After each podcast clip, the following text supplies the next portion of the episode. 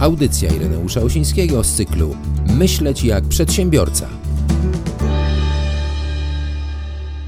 Witam bardzo serdecznie w kolejnej audycji z cyklu Myśleć jak przedsiębiorca. Jest to audycja o przedsiębiorcach, dla przedsiębiorców i z przedsiębiorcami a przede wszystkim o tym, że przedsiębiorczość to stan umysłu. Dzisiaj ponownie moim gościem wyjątkowym jest przedsiębiorca z ponad 19-letnim doświadczeniem w biznesie, a od 2012 roku mieszka na stałe w Bangkoku, w Tajlandii i prowadzi swój biznes zdalnie, co teraz jest no, rzeczą bardzo pożądaną i korzysta z różnych globalnych rozwiązań biznesowych. Naszym gościem jest ponownie Piotr Motyl. Witaj Piotrze.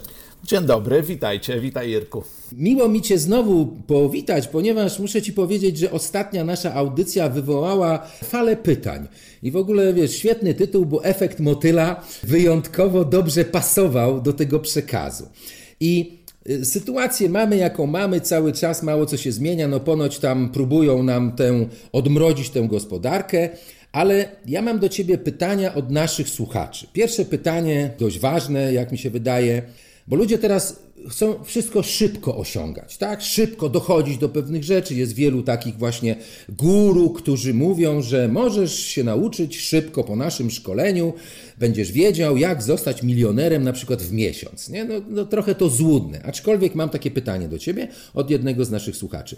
Jak długo trwało budowanie pańskiego biznesu za granicą? Czy jest to proces ciągły? Hmm, e, wiesz co, na pewno jest to ważne pytanie. E, tutaj i odpowiedź e, będzie troszeczkę złożona, ale w ogóle wiesz co, może nim jeszcze zacznę, wiesz, znaczy nim o tym opowiem, tym całym procesie, to trzeba się zastanowić w ogóle po co za granicę wyjeżdżać. Trzeba mieć jakąś taką, Aha. wiesz, motywację, no mieć jakieś takie swoje dlaczego, bo części ludziom jest na pewno, e, wiesz, lepiej w swoim kraju, a wiesz, budowanie do takiego biznesu, wiesz, to za granicą, no to tak na samym początku to wydaje się skomplikowane, bo to tak, nie znamy warunków, nie wiemy w jakim kraju będziemy działać, też jak się zakłada firmę, no tutaj e, ja mogę opowiedzieć o takich moich doświadczeniach. E, w ogóle, wiesz co, może, może tak zacznę od samego początku, początku opowiem Ci, jak to, jak to się zaczęło, bo to, bo to będzie chyba e, najciekawsze. W ogóle to był... Powiedz, powiedz. Tak, dokładnie. To, było, to był zupełny przypadek. Mianowicie wszystko zaczęło się od e, nagrania z kontestacji. To e, ciekawe. No właśnie, dosłownie tak było. Natomiast jeszcze dwie, jeszcze dwie takie akcje były e, też e, wcześniej. To był rok 2012, bodajże tam w czerwcu miałem okazję też porozmawiać kiedyś na takim biznes campie z Asbiro. Chyba to był pierwszy biznes camp z Krzysztofem Habichem, to był jeden z najbogatszych Polaków e, w Polsce, on już teraz e, no, świętej pamięci niestety, ale pamiętam, że tam wygrał, e, znaczy chyba miał podobno z 1200 spraw z urzędami skarbowymi, które tam no, pewnie przez lata też część wygrał, część tam przerwał, ale to ciągła gdzieś tam walka była, no wiadomo, on tam pewnie święty nie był, ale ja z nim kiedyś porozmawiałem. No i mówię, no, że wiesz, tutaj wspaniale, no tutaj takie tam sukcesy, tu firma, tu to, to wygrywa z urzędami. No ale on mi powiedział taką rzecz, mówi, co z tego, że wiesz, wygrywasz, ale tak, zmarnowałeś czas sobie, rodzinie, tak naprawdę, wiesz, swoje zdrowie, nie masz czasu na wakacje, wiesz, nigdzie, wiesz, nie może, wiesz, za bardzo się wyjechać nawet za granicę, bo ciągle jakaś, wiesz, jakaś sprawa, jak nie z jednym, to z drugim, to z trzecim urzędem, no i mówi, po co mi to, nie? Co z tego, że, wiesz, że niby budujesz biznes w Polsce, ale tak naprawdę nie masz życia, nie, wiesz, ciągły stres, wiesz, ciągle nie widzisz słońca, bo siedzisz gdzieś tam w domu, a ja przyznam szczerze, że to trochę mnie zdołowało, bo ja w zasadzie, no wiadomo, marzy, jak ktoś zakłada firmę, to marzy mu się, że, wiesz, że potem już będą pieniądze same płynąć, potem wiesz, siedzisz sobie tylko w domu i, i samo wszystko działa i wiesz, i możesz podróżować po świecie, a to tak nie do końca jest, tak? No i e, kolejny właśnie, potem jeszcze była taka sytuacja, e, byłem też właśnie na MBA-u, też tutaj na ostatnim spotkaniu w e, MBA e, z Tedem Witkowiczem. No i pamiętam, że już wtedy, tak, w, tamtym czasie, w 2012, to już udało mi się, zbudowałem e, działalność gospodarczą, tu później jeszcze spółkę ZOO, no jakieś tam doświadczenie miałem, kilka ładnych lat i tam rozmawiam z Tedem, a to człowiek, który wprowadził dwie firmy na giełdę Nasdaq, a zbudował w zasadzie trzy takie duże firmy, no i mówię mu, że ja mówię to, to, to, to, to i ja bym tam coś tam chciał i w ogóle, no ale tak, wypytał mnie i okazało się, że tak, angielskiego nie znam, nigdy nie zbudowałem produktu na rynek międzynarodowy, mało wiem o świecie, W zasadzie to, wiesz, boję się, znaczy boję się, praktycznie nie mam do czynienia, czy nie miałem do czynienia z obcokrajowcami, no to słabo to widzi. No i w tamtym czasie się troszeczkę załamałem, powiem szczerze. No i wiesz, dalej zacząłem gdzieś szukać jakichś, e, wiesz, odpowiedzi, pytań. No wiadomo, masz internet, a że moje życie to tak od 2006 roku w zasadzie było, e, było wokół internetu, bo, bo mm, działalność gospodarcza, tu akurat hurtownia GSM była ty, ty, typowo zorganizowana pod, e, pod internet. Sprzedaż części podzespołów, akcesoriów elektronicznych. No i co? I tak zacząłem szukać i znalazłem takie nagranie w kontestacji człowieka, właśnie tu jest e, Mac, Wallen, e, on ma sieć szkół językowych e, w Tajlandii. No i tak gdzieś wysłuchałem. No i spodobało mi się to tak, wiesz, że tu ciepło, fajnie, okej, przy okazji bym się języka nauczył. No i wpadłem na pomysł, że no dobra, no nie stać mnie było, żeby mieszkać, wiesz, wtedy nawet nie wiedziałem, gdzieś tam w innym kraju, w ogóle Azja to egzotyczne miejsce. No i tak, posłuchałem, potem napisałem e, gdzieś tam jakiś komentarz, jakieś tam dwa słowa na Facebooku, znalazłem gdzieś tam jego, jego szkołę, no i tak zdecydowałem, mówię, no i tak musiałem się angielskiego nauczyć, chciałem też zobaczyć, jak się to tak naprawdę z tymi Azjatami e, działa, może będzie łatwiej spotkać, e, wiesz, takich ludzi z innych krajów, czegoś się nauczyć, zobaczyć, jak się buduje firmę na rynek międzynarodowy. No i co? No i dosłownie Pamiętam, to był, e, chyba znalazłem to nagranie w sierpniu, we wrześniu wszystko się rozegrało, a w listopadzie siedziałem już w samolocie, nie? E, dosłownie. 29 listopada. No i, i po prostu wyjechałem na kurs językowy na dosłownie 3 miesiące, bo nie wiedziałem w zasadzie, co, co będzie. Natomiast już wcześniej właśnie, przez to, że znaczy przez te parę miesięcy tak udało mi się przeorganizować firmę, totalnie po prostu zorganizowałem wszystko, że mogłem, tak, biura nie potrzebowałem, magazyn mógł działać totalnie zdalnie, jeśli chodzi o wysyłki, to nawet teraz w Polsce teraz jest dużo łatwiej i taniej, żeby to zrobić. Natomiast moim celem było to, żeby mieć jakąkolwiek kontrolę na, nad firmą wtedy, kiedy mnie nie będzie, żeby mógł przez internet wszystko e, prowadzić i żeby to mogło mi zarobić 1000-2000 dolarów po prostu miesięcznie na czysto, że mógł tam w razie co, jakby pomimo to, jakby mi się oszczędności skończyły, żeby, żeby coś się tam nie wysypało. Więc zaktualizowałem wszystko, coś, co się dało, wszędzie te nawet podpisy elektroniczne, profile zaufane pozakładałem, gdyby tam trzeba było gdzieś coś z jakimś urzędem się skontaktować, to, to, to, to jak najbardziej mogłem. Działałem też jeszcze przez spółkę e, z UK, znaczy taką LTD z UK, to jeszcze dużo łatwiej było, więc tutaj w Polsce w zasadzie nie musiałem e, nie musiałem e, być i z tymi urzędami był ograniczony kontakt, ale nadal spółka była zarejestrowana do VAT-u w Polsce, więc zawsze Urząd Skarbowy mógł tam jakieś tam zaświadczenia, czy przepraszam, jakieś zestawienia sprawdzić. No i w tamtym czasie wyglądało to tak, że no właśnie, jak już miałem jakąś taką motywację, po prostu chciałem się nauczyć angielskiego. Wiedziałem, że jak wyjadę do Anglii, no to się nie nauczę, bo tam gdzie nie rzucisz kamieniem, to ci Polak odpowie, k, co, co rzucasz, nie? Więc e, mówię, koszty były podobne, a to była jakaś egzotyka, a po drugie to była zima, jak sobie to wyliczyłem, że wiesz, styczeń, że zima tutaj jest, to jest ciepło, ja nie lubię zimy w Polsce. Mówię, dobra, zobaczę, nie? Bo, bo nie wiedziałem, co będzie. No i tak wyjechałem, no i potem w zasadzie y, tak się dziwnie złożyło, że wiesz, tutaj poznałem moją e, partnerkę, moją narzeczoną obecną, ale to jeszcze kilka lat później, ale w międzyczasie jeszcze poznałem kilka dziewczyn, które urzekły mnie, że tak powiem delikatnie.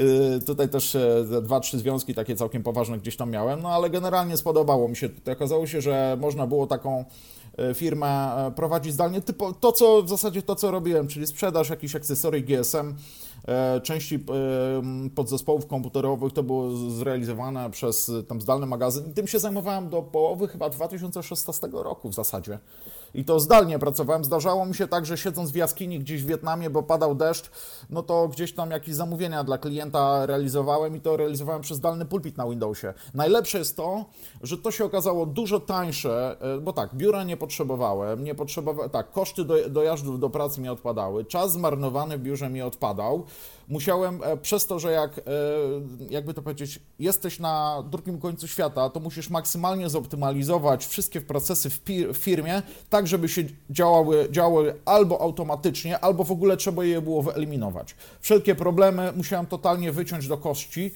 i to, był bardzo, to była bardzo dobra decyzja e, teraz, teraz jak widzę, tak? Natomiast najlepsze jest to, że to w zasadzie, o, znaczy oczywiście, no wiadomo, ten model tam nie jest dla wszystkich, no ale okazuje się, że jakbym tak miał um, podsumować, no to jest kilka takich modeli, które się do tego nadają. To tak, jeśli, no nie wiem, działasz w internecie, w sensie prowadzisz bloga, tam, nie wiem, zarabia, masz jakąś, e, sprzedajesz gdzieś swoje produkty, to jak najbardziej możesz to zrobić. Jeśli prowadzisz sklep internetowy oparty na dropshippingu, czy, czy, czy chociażby na zdalnym magazynie, czy na fulfillmencie, jak najbardziej. Jeśli działasz, nie wiem, sprzedajesz swoje usługi, pracujesz jako prawnik, konsultant, e, fotograf, e, to też mam kilku znajomych, którzy tak działają. Jeśli działasz jako programista, jak najbardziej możesz. Jeśli, e, nie wiem, tworzysz swoje, nie wiem, działasz w branży szkoleniowej, eventowej, też jak najbardziej możesz coś takiego zorganizować. Jeśli na przykład zdalnie chociażby, no tak jak Sławek Muturi, bo też się spotykamy średnio raz w roku w tej okolicy, to też zdalnie zarządza nieruchomościami. W zasadzie ma ludzi, którzy tym zarządzają, się tym już nie zajmuje. E, tutaj też kilka osób, e, te, które poznałem, takie, które działają na giełdzie, czyli albo są inwestorami, albo tradują to też jak najbardziej, e, co więcej, bo jeszcze chciałem później opowiedzieć o korzyściach, mam nadzieję, że nam czasu dzisiaj wystarczy, bo kilka mam e, tutaj tych, jak masz jakieś pytania, to, to, to, e, to możesz od razu zadać, tylko jeszcze dokończę, dokończę właśnie o tych, o tych modelach. Tak naprawdę można bardzo dużo rzeczy robić zdalnie i ostatni czas to tak naprawdę nam pokazał, że jeszcze przy okazji w Polsce myślę, że dostosuje się bardzo wiele przepisów, ale powiem tak, że tutaj jeszcze w przyszłości kluczem jest forma działalności gospodarczej, jeszcze kilka innych rzeczy trzeba przygotować. Także... O to się spytamy. A powiedz mi, to jak długo trwało budowanie Twojego biznesu za granicą? Ile to było lat? Tak, żeby teraz to już działało automatycznie. Znaczy, w zasadzie ja powiem, e, ja to w zasadzie będąc w Polsce to to zbudowałem jeszcze. E, powiem Ci tak, e, potrzebowałem na to i to dosłownie to jest z praktyki. Załóżmy, działa sobie jakiś tam, jakaś tam hurtownia, sprzedaje, nie wiem, odkurzacze, cebule, meble, cokolwiek, nie? Może takie rzeczy, które da się bardziej gdzieś tam w necie sprzedawać.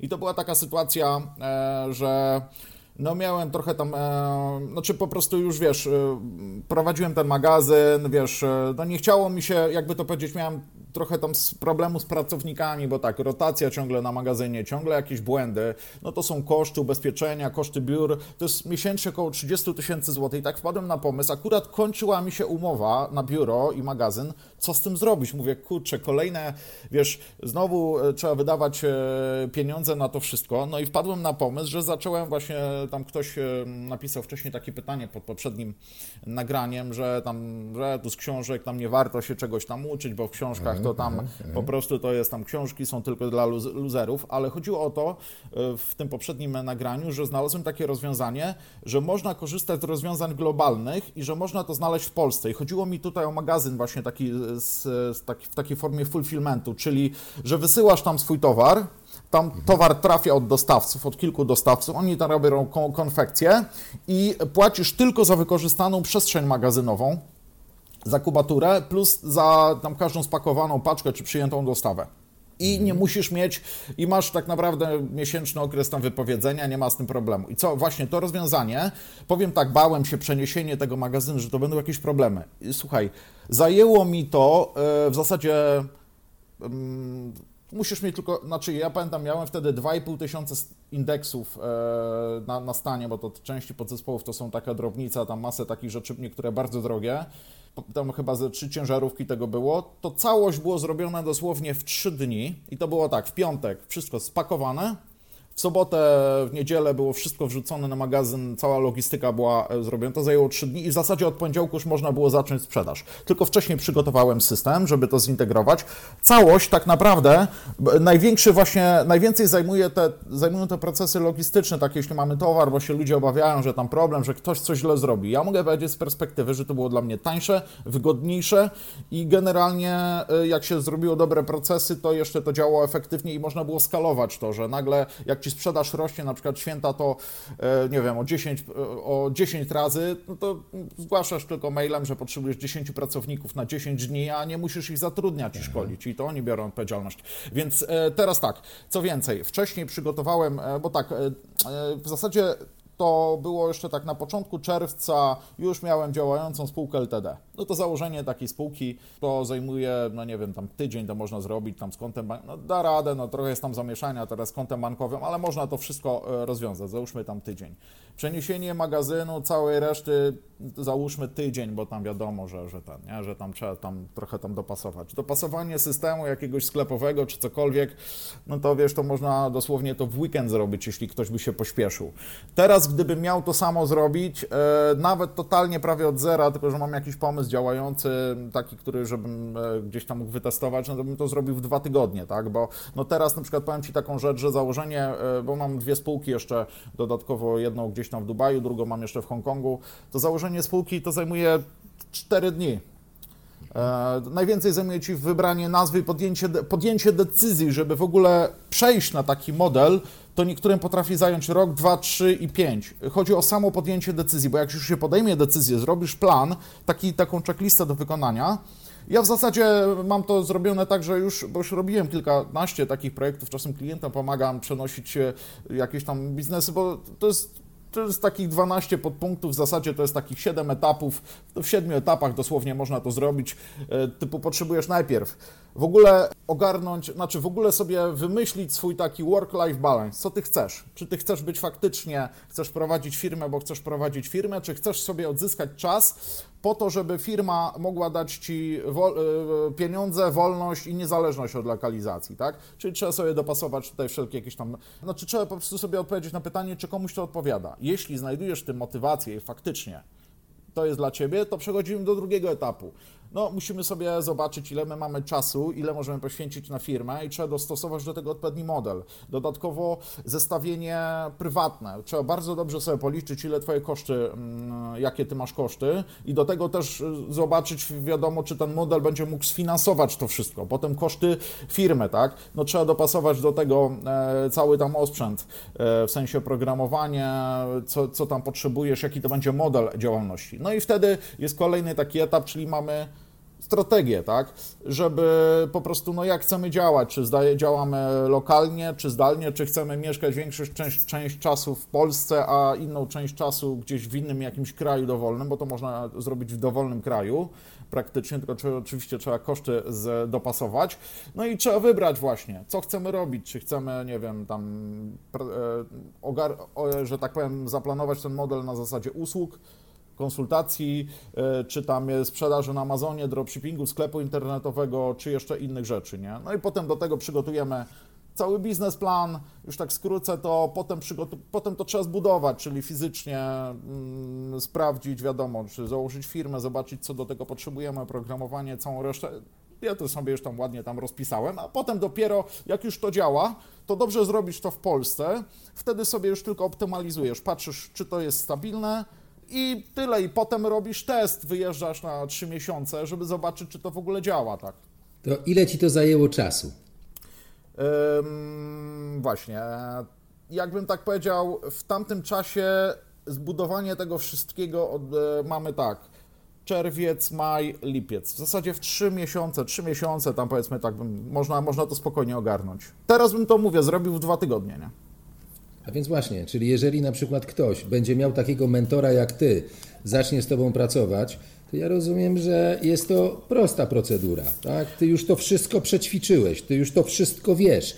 Czyli jeżeli na przykład ktoś się zgłosi z prośbą o pomoc do ciebie, bo można cię chyba znaleźć gdzieś, ty nie jesteś, nie wiem, się nie ukrywasz chyba tam w tej tej Nie, no, ja bywam... można cię znaleźć. By, bywam w Polsce, bywam w Polsce średnio raz w roku, ostatnio byłem w 2018 roku, 10 miast odwiedziłem, tam ponad 500 Aha. osób, tam na kilku uniwersytetach e, gdzieś mam też gdzieś jakieś tam prelekcje. Także no fajni ludzie, także też zapraszam. Jak będę, to, to zapraszam, dam zawsze. Fantastycznie, info. fantastycznie, ale ja rozumiem, że ty też masz taką usługę, że możesz, y, że tak powiem, komuś pomóc y, w stworzeniu takiego biznesu zdalnego y, i mogą ci za to zapłacić po prostu, tak? E, generalnie wcześniej się tym zajmowałem, teraz powolutku od tego odchodzę, bo przechodzę, po prostu chcę przejść tylko na e, sprzedaż, przepraszam, na Chcę się zająć już tylko tak naprawdę giełdą, w sensie tradingiem. Dlaczego? Z kilku powodów. Bo przez to, że mieszkam w Azji, mam rezydencję tajską podatkową, mam spółkę gdzieś tam w Emiratach, inwestuję przez, mam, przez Singapur, mam tam do, dostęp do kilku, no, 50 kilku rynków.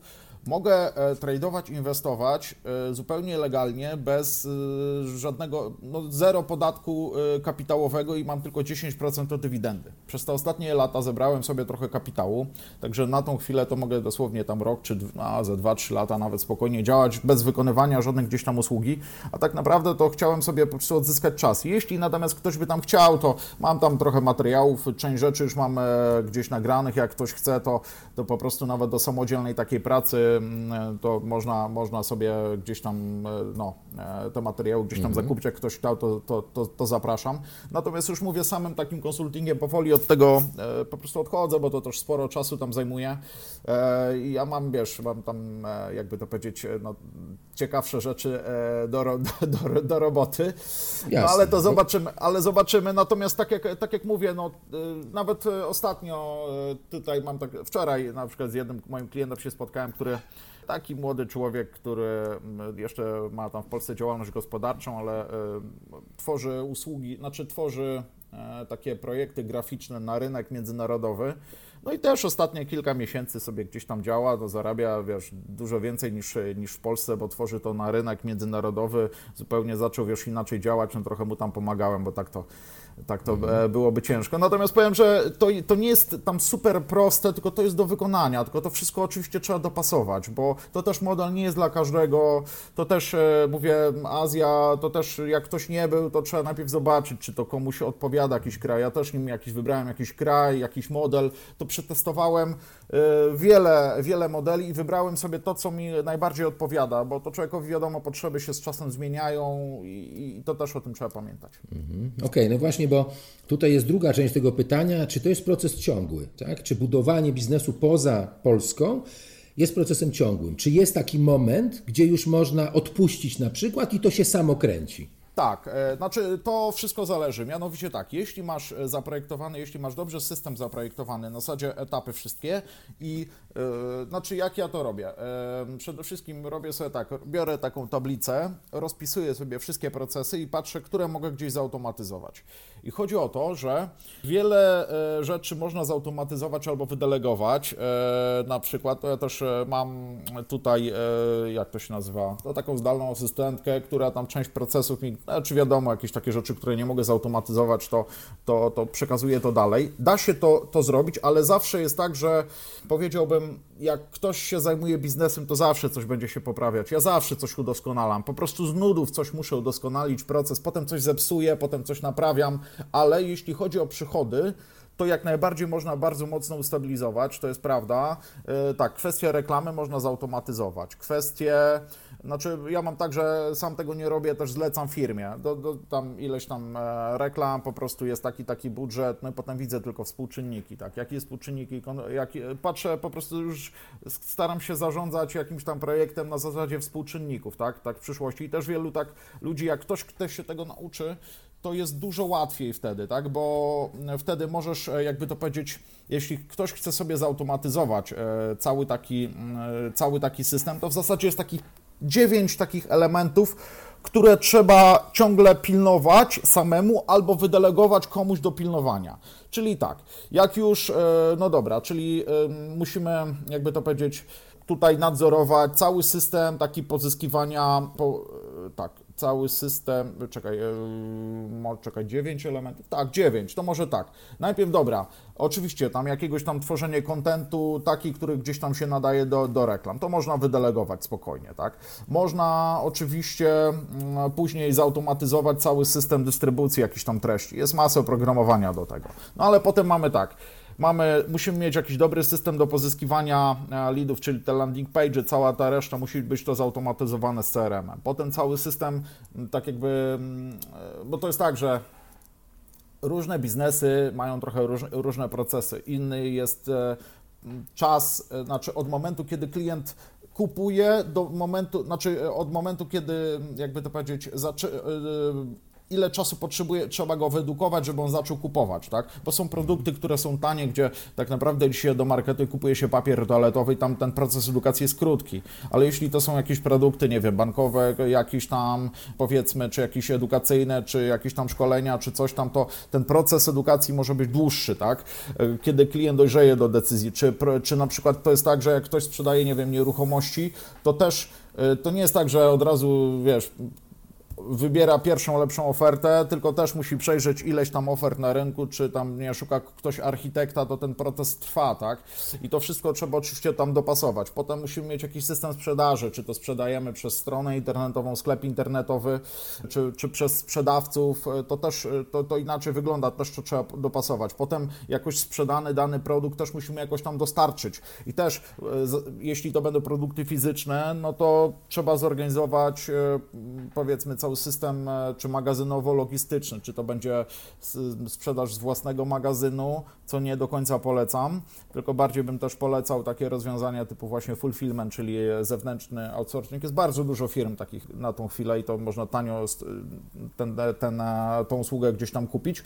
No i potem, planuję, potem ten proces, który jeszcze musimy pilnować, to jest, to też ciągle trzeba gdzieś patrzeć, czy ten, e, bo to jest tak, że na, najwięcej się zarabia na klientach, którzy powracają, bo koszty reklamy są oczywiście dro, drogie. Jak sobie to zaplanujemy, widzimy, że ok, część tych klientów gdzieś powraca, gdzie średnia cena, znaczy to jest tak, że rośnie ci ilość klientów, rośnie ci średnia wartość zamówienia i rośnie ci częstotliwość zakupów. Jak te trzy czynniki rosną, no to ok, to ten biznes będzie się tam gdzieś powoli rozwijał i trzeba po prostu wiedzieć, czego, e, czego pilnować albo wydelegować to komuś. I to jest tak, odpowiadając na Twoje pytanie, to jest, uważam, że każdy biznes to jest też jakiś tam proces ciągły, można się tam na kilka miesięcy czasami wyłączyć. To tak jest, ale człowiek jak to zbudował, to zawsze będzie powracał, będzie coś tam udoskonalał. Mi to sprawia satysfakcję, nie? Osobiście. Aha. Piotrze, y, to, był, to było pierwsze pytanie. Gadamy już prawie pół godziny i ja mam taki pomysł. Nie, no ale to jest cudowne to, co mówisz, bo wiesz, Twoje doświadczenie jest bezcenne. Mało jest tak odważnych ludzi, którzy mm, taki krok e, potrafią podjąć, bo ludzie generalnie boją się wychodzić ze strefy komfortu. Działają dopiero wtedy, kiedy ze strefy, ze strefy komfortu zostaną wyrwani. I to na, na przykład ja, mam, ja współpracuję z prawnikami, bardzo często to są moi klienci i prawnicy mają jeden problem, bo bardzo często pojawiają się u nich ludzie ze sprawami, z, który, który, z którymi już się nie da nic zrobić. Oni czekali tak. do takiego momentu, kiedy tam już naprawdę trzeba się mocno nagłowić i dlatego właśnie wtedy prawnicy są drodzy ponieważ jeżeli leczysz, a nie zapobiegasz w tym obszarze właśnie prawnym, no to jest taka sytuacja. E, ja pamiętam jeszcze a propos świętej pamięci, nieodżałowanej pamięci, Krzysztof Habich mówił kiedyś, że on jednego dnia miał 13 y, y, rozpraw w sądzie. Jednego dnia 13 tak. rozpraw w sądzie. O tym, I wcale się nie mówiłem, dziwię. O tym mówiłem na No początku. więc właśnie.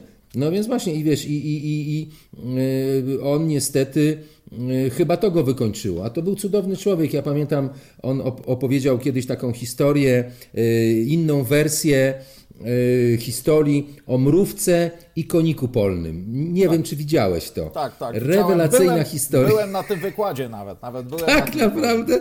No po prostu coś niesamowitego. Także słuchaczy odsyłamy do tej historii, bo ją można odkryć w sieci. Krzysztof Habich, y, historia o koniku polnym i mrówce. Jest na YouTube. Ale przejdźmy Jest do pytań, bo masz pewnie jeszcze kilka pytań, a postaram tak, się ale... sprężać teraz. Okej. Okay. Wiesz co, to może odpowiemy sobie, znaczy jeżeli byś się dał namówić, to warto by było, bo te pytania są, są ważne, a odpowiedzi twoje mogą być niesamowicie cenne dla ludzi, którzy znaleźli się teraz, zwłaszcza przedsiębiorców, którzy znaleźli się teraz w bardzo trudnej sytuacji.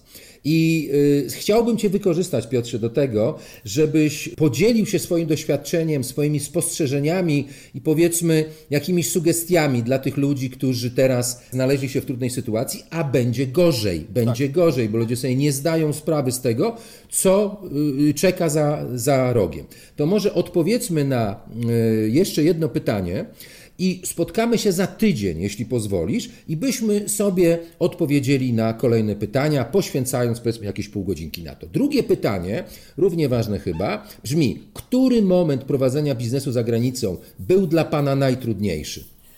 E, wiesz co, e, mm, powiem tak. E, podjęcie w ogóle decyzji, żeby spróbować. Bo to już jak się tu ląduje, to jest dużo prostsze, bo po prostu musisz, nie masz powrotu. Musisz szybko zorganizować mieszkanie, musisz to wszystko zaplanować. Ale samo powiem tak, e, znalezienie jakiejś takiej motywacji, w ogóle po co, tak? No mówię, u mnie to wyszło przypadkiem, bo to tak wiesz, jak gdzieś wylądujesz w jakimś miejscu i nagle kurczę, budzisz się i wiesz, że chcesz być tutaj. Najtrudniejsze dla mnie było to, to, co mówię, żeby e, wyrwać się właśnie z, tak, z, takich polskich przyzwyczajeń, że czegoś nie mogę, bo tam nie zabiją, żeby sobie poradzić z tymi przekonaniami, że ludzie, którzy nie byli i tego nie zrobili, to ci mówią, że ci się nie uda, nie warto, bo tam zabijają, gwałcą, rabują, wirus cię dopadnie i w ogóle. A z perspektywy powiem tak, o wszystkich problemach, jakie tutaj, e, co mnie może zabić, to dowiaduję się z Polski. I to jest dla mnie najtrudniejsze, powiem szczerze, że było, żeby sobie z tym poradzić.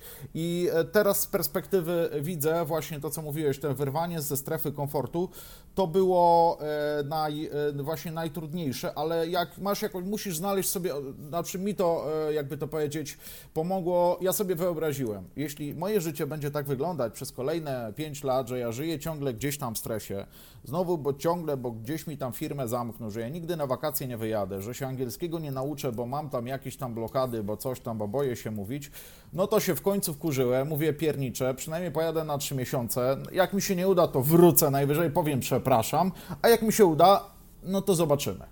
I tak się dziwnie składa, że się po prostu, y, nawet nie powiedziałbym, że mi się udało, tylko ja to zaplanowałem, że mam się udać. I wtedy zaplanowałem, jak ja się mam wyrwać z tej trefy komfortu. I powiem, e, właśnie ten moment wyjazdu za granicę, to ludziom się jakiś, wydaje, że to jest jakieś trudne. Natomiast ja wyjeżdżając nie znałem angielskiego, tajskiego, nie miałem tutaj praktycznie nikogo, nawet nie wiedziałem, kto mnie na lotnisku, na lotnisku odbierze. Totalnie nic, miałem wynajęto dosłownie e, na jedną noc w hotelu e, nocleg i tyle. I to na miejscu, ok, miałem miałem jakieś tam zasoby i w zasadzie nie miałem pomysłu, ja nawet nie wiedziałem, że ja tu zostanę. No a potem już tak jakoś wyszło, także tak jak, tak jak mówię, najtrudniejsze, najtrudniej to się wyrwać z strefy komfortu, ale jak się zrobi odpowiedni plan, taki raz, dwa, trzy, cztery i się już podejmie decyzję, że się dosłownie podpisze i mówię, da się sobie opcję, że przynajmniej spróbujesz, nie na długo, ale na przykład na trzy miesiące, jak ci się nie uda, to najwyżej masz do czego wrócić. I mi to pomogło.